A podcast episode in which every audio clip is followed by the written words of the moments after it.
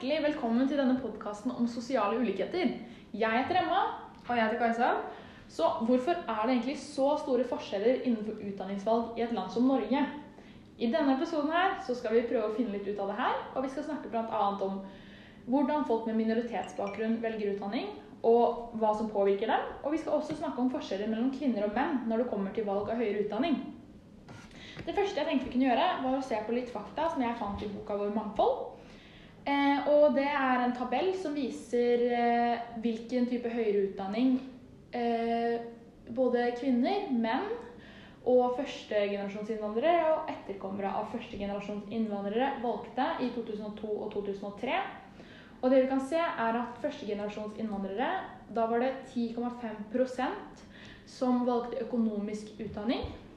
Mens etterkommere, da var det hele 24,9% som valgte dette. Og det sier litt om at bare etter én generasjon så har det, nest, har det over dobla seg med antall som tar utdanning. Og så eh, En annen ting er at kvinner tar generelt mer høyere utdanning enn det menn gjør. Et flertall av kvinner tar høyere utdanning. Og dette gjelder spesielt innenfor helse- og omsorgsfeltet. Det er veldig ekstremt i yrker som sykepleie. Der er det 20,6% kvinner og 5,3% menn. Og så er det eh, menn som tar mest økonomiutdanning. Men det er jo noe som stadig endrer seg. Men i 2002-2003 var tallene 13% kvinner og 21% menn. Så det er fortsatt en ganske stor forskjell. Men Kajsa, du hadde jo funnet en annen figur som viser dette? Ja, jeg har jo lest på SSB fra 2001 at blant, inn, eh, blant innvandrere fra ikke-vestlige land eh, i alderen 30 til 40 år er det minst 15% som ikke har utdanning utover grunnskolenivå. Blant innvandrere fra vestlige land er det en vesentlig mindre andel eh, med liten eller ingen utdanning, og det er 8 eh, Vi finner tilsvarende forskjeller i den andre enden av utdanningsskalaen. 30% av befolkningen i alderen 30 44 år har høyere utdanning. Blant innvandrere fra vestlige land er det enda større andel som har høyere utdanning, hele 39 eh, Noe som jeg tenker eh, har mye å si på hvilket valg man tar i livet i utdanning og ikke utdanning, er hvordan foreldre du har, og hvilke krav som stilles i oppveksten. Som vi ser på grafen, er det mange av etterkommerne til innvandrere som utdanner seg innen helseområdet. Men det er også mange som ikke tar utdanning i det hele tatt. Ja, det er veldig interessant det du sier akkurat der. Fordi barn av innvandrere tar jo generelt mer utdanning og tjener mye mer enn det foreldrene sine gjorde. Og nesten halvparten av innvandrerbarna vokste opp i svært, svært fattige familier. Men har likevel klart å komme seg gjennom dette på en helt fantastisk måte. Men for barna deres så ja, ble det som sagt helt annerledes. De fleste innvandrerbarna har gjort det mye bedre enn foreldrene sine på både lønn og utdanningsnivå. Og de gjør det like bra som etnisk norske barn som har vokst opp i samme nabolag og har tilsvarende sosioøkonomiske familiebakgrunn. Mm. Vi har jo hentet et intervju fra, eh, fra NRK av eh, Lavanya Kyle. Eh, hun er utdannet som lege og jobber med en doktorgrad i kreftforskning. Hun opplevde at det var mye fokus på utdanning gjennom hele barndommen. Det prates mye om utdanning og viktigheten av å ta en god utdannelse og få en god jobb. Foreldrene er opprinnelig eh, tamaliske flyktninger fra Sri Lanka. Eh, og hun tror deres bakgrunn har gjort at hun selv blir mer bevisst på de mulighetene hun har fått i Norge. Man vokser opp med foreldre som er veldig bevisst på hvilke muligheter barna har i Norge i forhold til hva de selv hadde. Så man blir veldig selvbevisst over det fordi man hører mye snakk om utdanning fra, eh, fra man er liten av, forteller Kyle. Den franske sosiologen, Pierre Bourdon mente jo at det fins flere ulike typer for kapital, fra, i tillegg da, til det økonomiske. Han bruker begrepene sosialt og kulturelt kapital for å beskrive andre former for verdier som kan, man kan på en måte samle opp og arve, som gir deg en type makt i samfunnet. Jeg tenkte å forklare litt hva kulturelt kapital er, for det er ganske relevant i forhold til det vi snakker om. Kulturelt kapital handler jo om å mestre de kulturelle kodene som har status i samfunnet. Ofte får vi de kulturelle kodene fra foreldrene våre, og vi er selv ikke bevisste på dem. Selv om de former smaken vår og hva vi liker og hva vi syns er fint, så er dette kun i underbevisstheten vår. da. Dette kan komme til uttrykk i ting vi omgir oss med, måten vi snakker på, hvordan vi kler oss og hvordan vi generelt oppfører oss. Disse kodene uttrykker og definerer hvem vi er og hvilken gruppe i samfunnet vi tilhører. Mm. Uh, og Raymond uh, Budon eh, hadde tre teorier som gikk ut på dette. Uh, han hadde verditeorien, som går ut på at ikke alle gjør så godt de kan.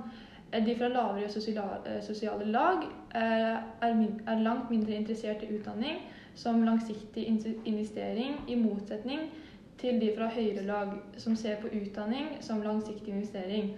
Og sosiale og eh, sosiale lag, da, det er på en måte sosiale klasser. Da. Det er bare en måte å si om du er fra en lav klasse eller høye klasse. da. Og så har vi jo kultur, eh, kulturteorien, og den går ut på sosiale forskjeller. Eh, at det er årsaken til eh, sosial rekruttering. da. Eh, sosialiseringen av barn i ulike, ulike sosiale lag er forskjellig og gir barna ulik mengde intellektu- intellektuell utrustning. Mhm. Og den eh, tredje teorien hans var jo sosial posisjon-teorien. Og denne teorien fokuserer på at ungdom vurderer den sosiale, økonomiske nytten ved hvert utdanningsvalg. Og man ønsker da å beholde eller å høyne sin sosiale posisjon gjennom hvilken utdanning du velger. Og dette er jo ganske relevant for oss to.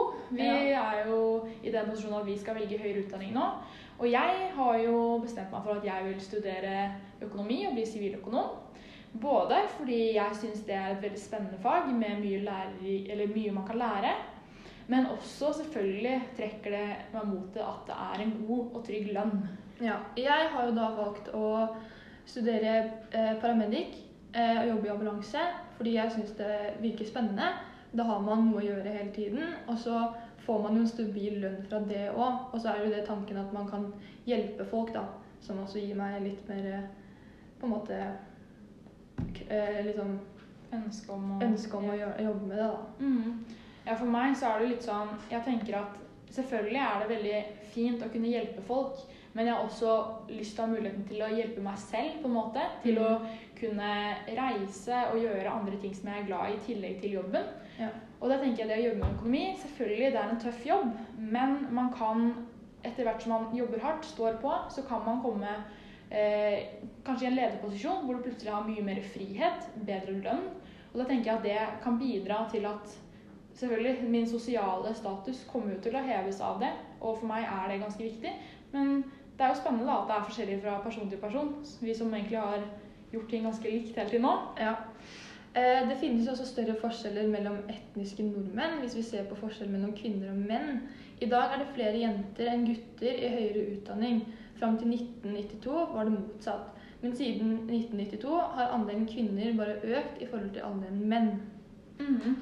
Flere politikere mener jo at vi burde ha kjønnskvotering på flere utdanninger som er dominert av ett kjønn. Kjønnskvotering vil si at man gir fordeler til en person av det ene kjønnet, ofte det det er da undervekt av. F.eks. ved ansettelser, inntak til utdanningsinstitusjoner og lignende, for at man ønsker å oppnå en likevekt i kjønnsfordelingen innenfor en viss yrkesgruppe. Som f.eks. sykepleier, som er veldig dominert av kvinner, og tømrer, som er mannsdominert. Ja. Eh, Og vi har jo en graf her hvor vi ser store forskjeller mellom kvinner og menn. F.eks. på tømrer, da, som det Emma sa, så er det kun 1% kvinner innenfor det yrket, men 99 menn. Eh, Og det er ganske stor forskjell. Eh, og det samme er det jo på leder eh, og utdanning innenfor helsevesen. Der er det 68% kvinner, men kun 32% menn. Så man ser jo innenfor forskjellige yrker så er det veldig stor forskjell mellom menn og kvinner. Men hva tenker du om kvotering? Er det rettferdig? Vi forstår jo at det kan være nødvendig å ha en kvotering i enkelte yrker for å få det likestilt. Men det kan fort oppleves som veldig urettferdig, enten ene eller andre veien, hvis eh, dårlig, hvis en annen da, som har et dårligere snitt enn deg, eller dårligere utgangspunkt, mindre arbeidserfaring, blir valgt til den jobben eller får den studieplassen basert på kjønn. Jeg syns det virker litt gammeldags, og det burde finnes kanskje en mer moderne måte å takle dette på, da. Ja, det virker jo litt uh, dumt. Det kan jo føles veldig urettferdig, som du sa. Absolutt. Fordi hvis jeg hadde søkt eh, en stilling innenfor helsevesenet, da, eh, og jeg har bedre snitt enn en annen person, eller en mann, da, og han kommer inn fordi de ønsker å ha likevekt i den stillingen, så ville jo jeg synes at det hadde vært veldig dumt for Mm. min del, siden det er en jobb jeg virkelig ønsker. Ja. Men etter å ha sett på faktaene, så tror vi at grunnen til at det er så store forskjeller i utdanningsvalg i Norge, er fordi alle har en forskjellig type oppvekst, hvor man blir, lett, eh, hvor man blir lært ulike verdier. Og alle tar seg forskjellige kulturer Alle tar med seg for, forskjellig kulturelt kapital eh, videre i livet. Eh, dette er egentlig en veldig bra ting, men det skaper selvfølgelig sosiale ulikheter. da. Takk for at eh, du hørte på, og Ja. håper du får en fin dag videre. Ha det!